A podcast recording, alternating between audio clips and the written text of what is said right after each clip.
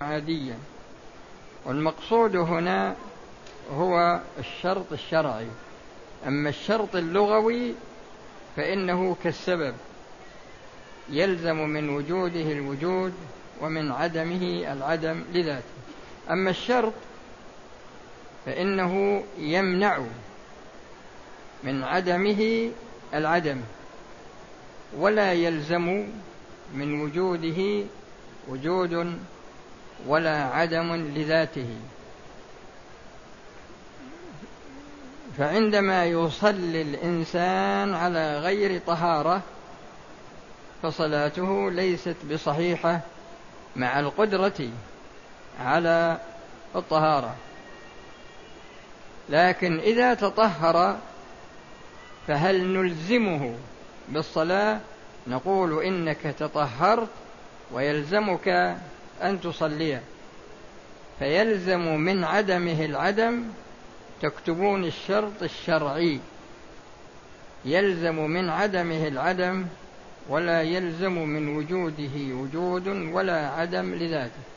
وهذا يجري في الطهارة وفي المسح على الخفين وفي الصلاة وفي في جميع يعني في أبواب الشريعة عموما.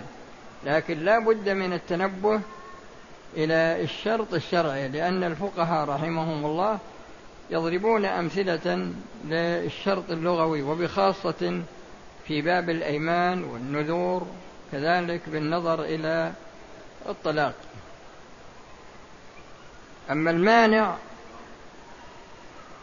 يلفى تعريفه من جهة الاصطلاح يلزم من وجوده العدم. يلزم من وجوده العدم ولا يلزم من عدمه وجود ولا عدم لذاته. فالشخص عندما المرأة عندما تكون حائضا فالحيض مانع مانع من وجوب الصلاة. ومانع من وجوب أداء الصيام وهي حائض. فلزم من وجود الحيض منع وجوب الصلاة ومنع وجوب أداء الصيام في حالة الحيض.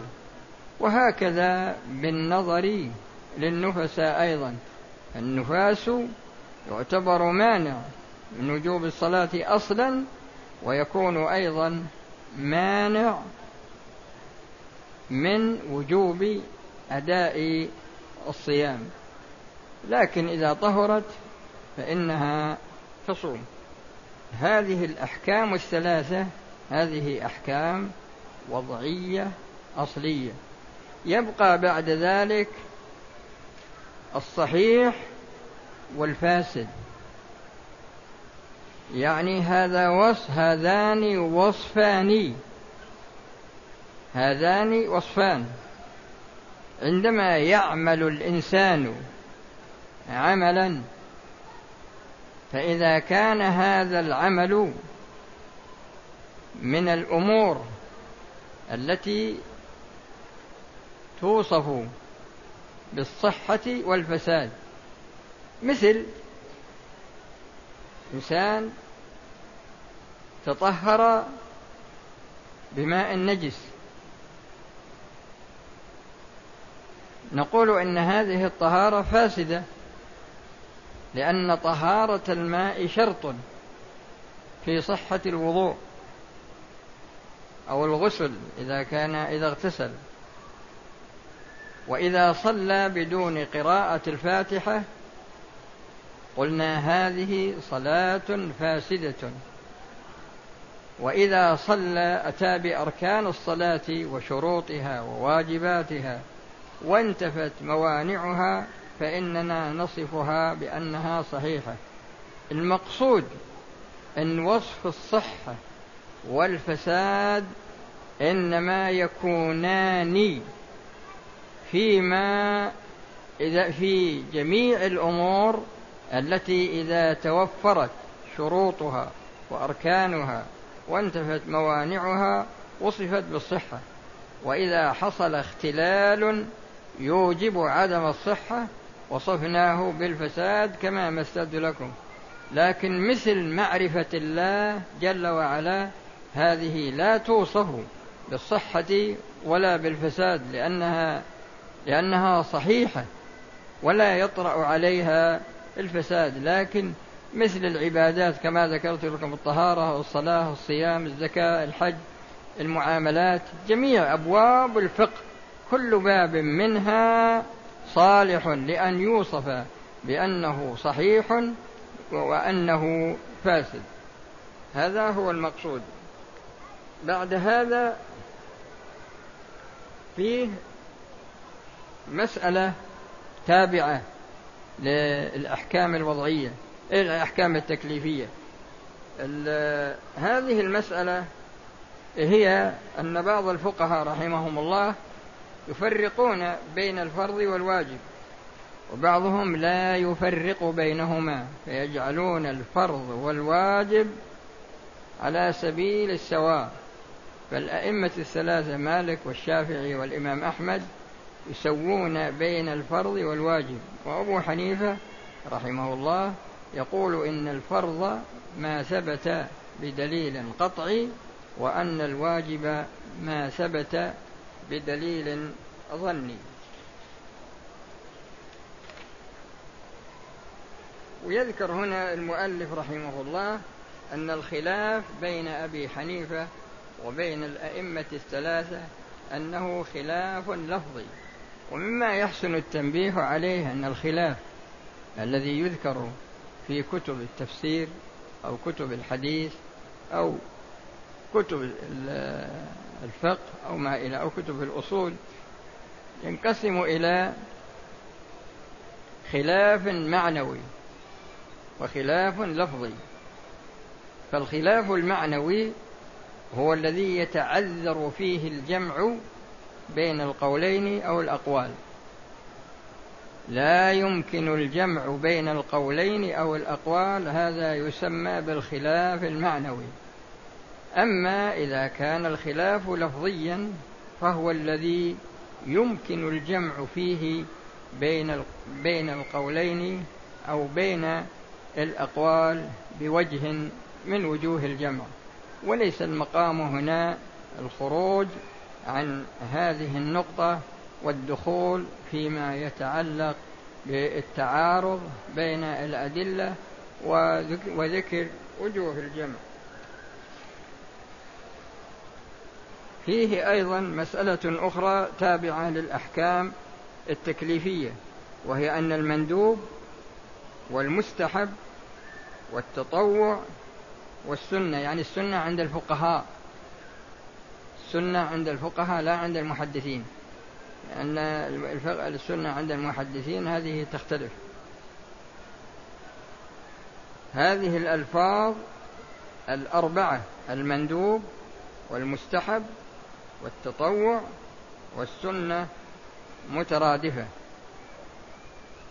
خلافا لبعض أصحابنا يعني الشافعية لأن السبكي صاحب الأصل رحمه الله شافعي وصاحب الشرح أيضا الزركشي شافعي فهو يقول إن الخلاف لفظي. يعني الخلاف بين هذه الأمور إنما مجرد اصطلاح. الفقرة الأخرى التابعة للأحكام الوضعية الأحكام التكليفية هي أن المندوب عندما يشرع فيه هل يجب عليه المضي فيه أو له قطعه؟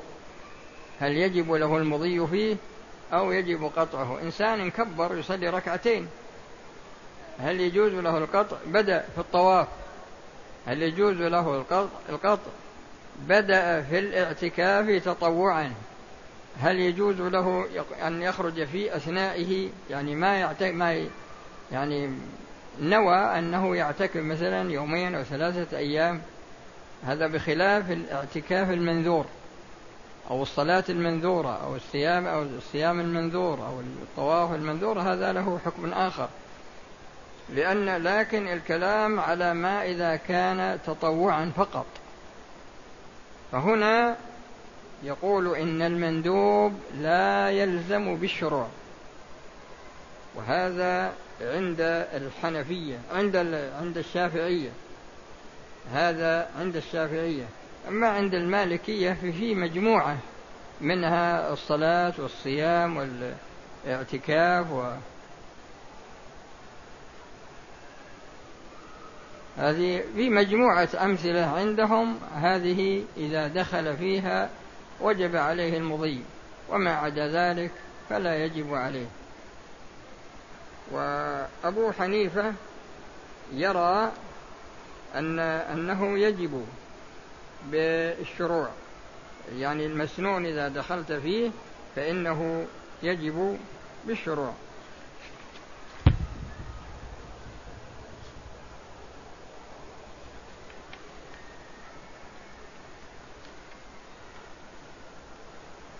وعلى هذا الأساس يعني من من فائدة الخلاف بينهم أن الإنسان إذا صام تطوعا وقطعه فأبو حنيفة يوجب عليه النية كالفرض. هذا من جهة. ومن جهة ثانية إذا قطعه فإنه يوجب عليه الكفارة والقضاء أيضا. كفارة والقضاء. أما الأئمة أما الشافعية فلا, فلا يرون عليه شيئا. وأما مالك رحمه الله فبالنسبة للأمور التي ذكر علماء مذهبه أنها يعني كالواجب مثل الصلاة والصيام والاعتكاف ما إلى ذلك فإنه يجب عليه المضي فيها ولا يجوز له قطعها. وبعد ذلك انتقل إلى ما يتعلق بالحكم الوضعي. فعرف السبب وأنا ذكرت لكم تعريفه. ولكن في ناحية مهمة جدا وهي أن كلمة لذاته لا بد أن تكون موجودة في تعريف السبب وتعريف الشرط الشرعي وتعريف المانع. لا بد منها. ففي آخر كل تعريف تقول لذاته. بعد ذلك تكملة للأحكام الوضعية لأنه ذكر الصحة والفساد. ذكر الصحة والفساد. بعد هذا ذكر هنا تعريف الصحة. ما هي؟ لأن ذكر هناك صحيح وفاسد. ذكر تعريف الصحة قال هي موافقة ذي الوجهين. الشرع وقيل هي العب... وقيل في العبادة إسقاطها إسقاط القضاء. وفي المعاملات ترتب الأثر.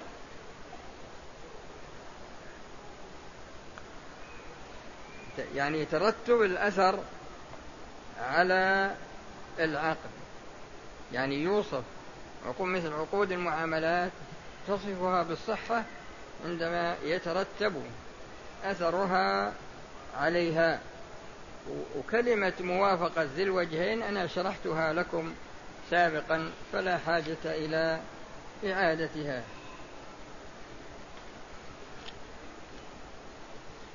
وبالنسبة للعبادة من ناحية وصف العبادة بالإجزاء عندما نقول هذه عبادة مجزئة معنى ذلك أنها مسقطة للقضاء. معنى ذلك أنها مسقطة في القضاء يعني يسقط القضاء فيها.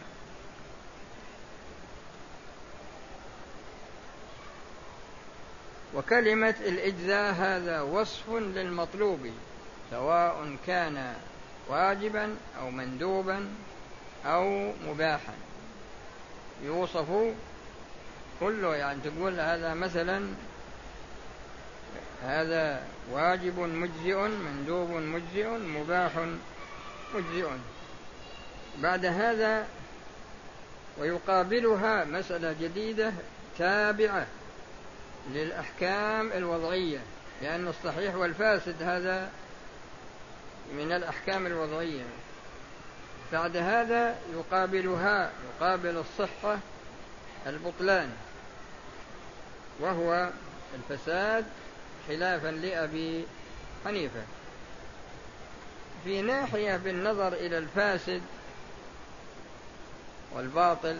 أنا ذكرت لكم أن الباطل الصحيح والفاسد هناك. ذكرت لكم الصحيح و يعني يفرقون بين ما ثبت بدليل قطعي وما ثبت بدليل ظني من ناحية الفرض والواجب. أما الصحيح والفاسد فأحب أن أنبهكم إلى أمر مهم وذلك أن الشيء تتوفر أركانه وشروطه وتنتفي موانعه وواجباته وتنتفي موانعه وعلى هذا الأساس يوصف بالصحة. ما في إشكال هذا. أما إذا نهي عنه إذا نهي عن هذا الشيء وموارد النهي في القرآن كثيرة جدا. أبو حنيفة يقول إذا ورد النهي عن الشيء لذاته. إذا ورد النهي عن الشيء لذاته فهو الباطل. وإذا ورد الشيء ورد النهي عن الشيء باعتبار غيره يعني يكون مشروعا بوصل بأصله ولكنه ممنوع بوصفه. وهذا بخلاف الأول فإنه لم يشرع أصلا. فإذا ورد النهي على محل لم يشرع أصلا صار باطلا عند أبي حنيفة. الأئمة الثلاثة يجعلون الباطل والفاسد لفظين مترادفين. ولا يفرقون بين موارد النهي. موارد النهي تارة يرد النهي على المحل باعتبار أصله. كالنهي عن صلاة العيد كالنهي عن صوم يوم العيد. فهذا باطل عند أبي حنيفة وعند الأئمة. لكن عقد الربا عقد البيع إذا اشتمل على ربا. فأبو حنيفة هذا يقول مشروع بأصله ولكنه ممنوع بوصفه فيصفه على أنه فاسد. وهكذا بالنظر للصلاة.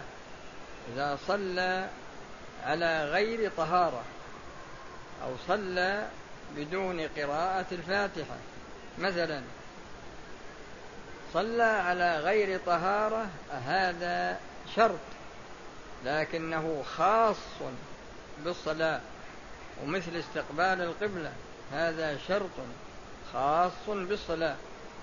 لكن فاتحة الكتاب هذا جزء من الصلاة. جزء من الصلاة. قد يصلي في أرض مغصوبة. قد يصلي في أرض مغصوبة. وهذا شرط لكنه مشترك بين الصلاة وبين غيرها لأن الغصب حرام فلا يجوز للإنسان أن يشرب منه ولا يأكل منه ولا يلبس ولا يصلي في مكان مغصوب. وتارة يكون النهي وارد على المحل من جهة وصف مجاور مثل الإنسان الذي صلى وفي ثوبه وصلى وهو حامل شيء لا يجوز له أن يلبسه في الصلاة كثوب الحرير. حمل ما لبسه؟ لكنه حمله معه. ففي هذه الحال هل نقول إن هذا لا يجوز له؟ وإلا نقول إنه جائز له. يتبين لنا من هذا الكلام أن النهي قد يرد على الشيء باعتبار أصله وقد يرد على الشيء باعتبار جزئه وقد يرد على الشيء باعتبار شرطه الخاص به.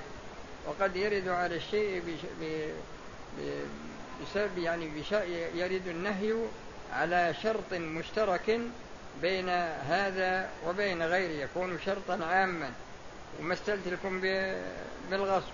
وقد يرد النهي على المحل باعتبار أمر خارج وهو وصف مجاور. بهذا القيد وصف مجاور. هذه موارد للنهي.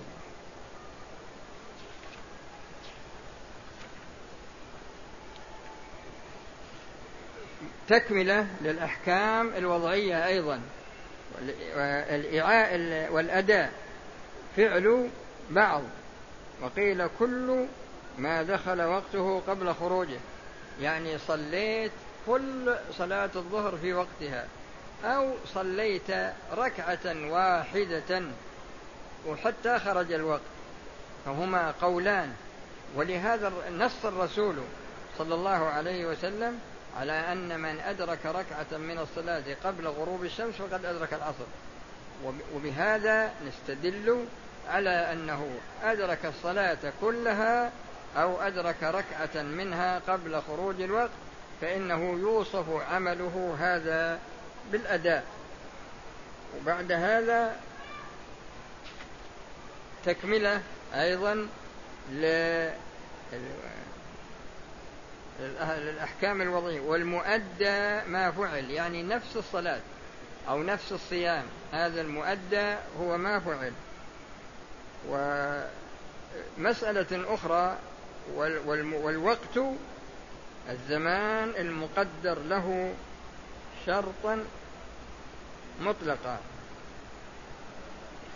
شرعا مش شرطا شرع شرعا مطلقا. يعني عندنا الآن تقدير وقت الحج. عندنا تقدير مثلا آه، أوقات الصلوات الخمس. أوقات الصلوات الخمس عندنا تقديرها بداية ونهاية. وبناء على ذلك هذا يوصف بأنه هو الوقت. مسألة أخرى تبع الأحكام الوضعية. القضاء فعل كل. وقيل بعض ما خرج وقت أدائه. استدراكا لما سبق له مقتض للفعل مطلقا. الشخص عندما ينام عن صلاة الظهر أو صلاة العصر أو صلاة المغرب حتى خرج وقتها حتى خرج وقتها أو يتعمد تأخيرها حتى يخرج وقتها. فحينئذ نصف هذه العبادة التي فعلها نصفها بالقضاء. وعلى القول الثاني لو أدرك ركعة من العصر قبل أن تغرب الشمس فإننا نصف الركعة بالأداء ونصف ثلاث الركعات بالقضاء. هذا قول. والقول الثاني أنها توصف كلها بالقضاء. وذكرت لكم أيضا أن في قول آخر أنها توصف كلها بالأداء والمقضي هو المفعول. وهذه مسألة أخرى أيضا تبع الأحكام الوضعية وهي الإعادة. الإعادة فعله في وقت الأداء. قيل لخلل وقيل لعذر فالصلاة المكررة معادته. معاذ رضي الله عنه كان يصلي مع الرسول صلى الله عليه وسلم صلاة العشاء ويذهب ويصلي بجماعته إماما فهو بالنسبة له نفل وبالنسبة لجماعته فرض. والرسول صلى الله عليه وسلم حينما دخل رجل فاتته الصلاة التفت إلى الصحابة وقال من يتصدق على هذا؟ من يتصدق على هذا. ولا يعارض ذلك ما ورد من قوله صلى الله عليه وسلم لا صلاة في يوم مرتين. معنى ذلك أنك لا تكرر الظهر بدون عذر أو بدون يعني خلل في الصلاة. بدون عذر أو خلل. إنما تعيد تقول بصلي الظهر مرتين أبصلي العصر مرتين بصلي المغرب مرتين. أبى أصلي العشاء مرتين وهكذا هذا هو الذي يرد عليه النهي. والرسول صلى الله عليه وسلم رأى رجلين لم يدخلا في الجماعة فسألهما قال قد صلينا. قال إذا أتيتما مسجد جماعة وقد صليتما فصليا تكن لكما نافلة. يعني أنك إذا أدركت جماعة مثلا وأنت سبق أنك صليت فلا مانع من الدخول معهم لكن تعيدها على أنها فرض هذا لا يجوز. وبهذا ينتهي هذا الدرس. ولا نكمل أحسن كان باقي قليل. لا لا ما نكمل لأن هذا يحتاج إلى كلام كثير. نخليه الدرس القادم إن شاء الله. آه، لأن هذا تكملة للحكم الوضعي وهو تقييم الحكم إلى رخصة وعزيمة. هذا هو محل الدرس القادم إن شاء الله. الليلة القادمة ما فيه درس. لأني بصير عندي شغل ولنا ب... وله بحاصل من التدريس إنما الموعد إن شاء الله هو ليلة السبت.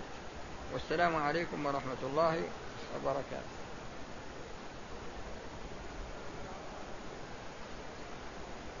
هذا يبي من يحط بالشاهي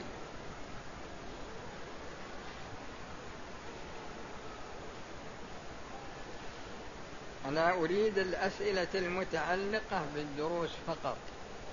ما أسئلة عامة في ناس يفتون تروح لهم؟ وهذا يسأل يقول هل يستدل المفتي بالقواعد الفقهية الكلية؟ يا أخي هذه القواعد ما تكونت إلا عن طريق الأدلة الاستقرائية. إلا عن طريق الأدلة الاستقرائية فسواء عللت بالقاعدة أو بدليل من أدلتها مثل قاعدة المشقة تجلب التيسير. أدلتها من القرآن ومن السنة كثيرة جدا.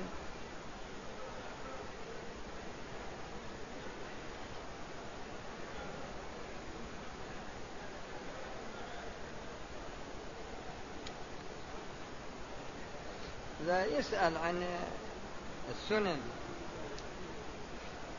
المؤكدة والمندوبة. ما عدا الواجب بالشرع والواجب بالنذر. هذا يكون مؤكد سنة مؤكدة مثل صلاة مثل ركعتي الفجر. ومثل الوتر فإن الرسول صلى الله عليه وسلم ما تركهما في سفر ولا حضر. ما تركهما في سفر ولا حضر. وفيه أيضا مثل الرواتب التي نص عليها التي نص عليها مثل راتبة الظهر وراتبة المغرب. وفيه أشياء رغب فيها مثل رحم الله امرأ صلى قبل العصر ركعتين. هذا يقال إنه مندوب يثاب من فعله ولا يعاقب من تركه. ومثل صلاة الضحى أيضا. خلاص؟ السلام عليكم ورحمة الله وبركاته.